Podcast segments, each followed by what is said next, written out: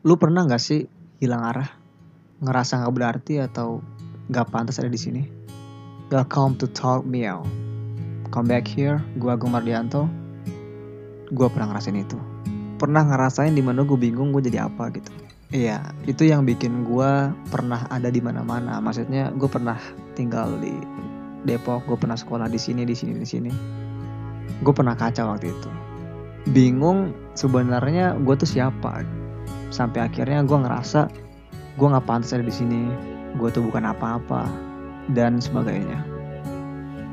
Pencarian diri itu emang sulit banget.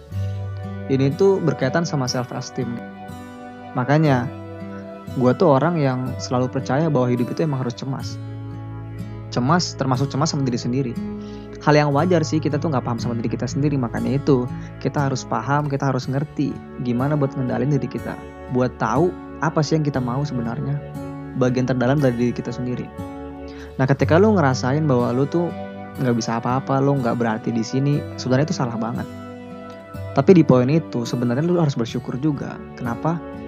Karena justru dengan lu berpikir kayak gitu lu bingung dengan keadaan kayak gitu lu sedang sadar bahwa lu akan menemukan hal yang besar dalam diri lu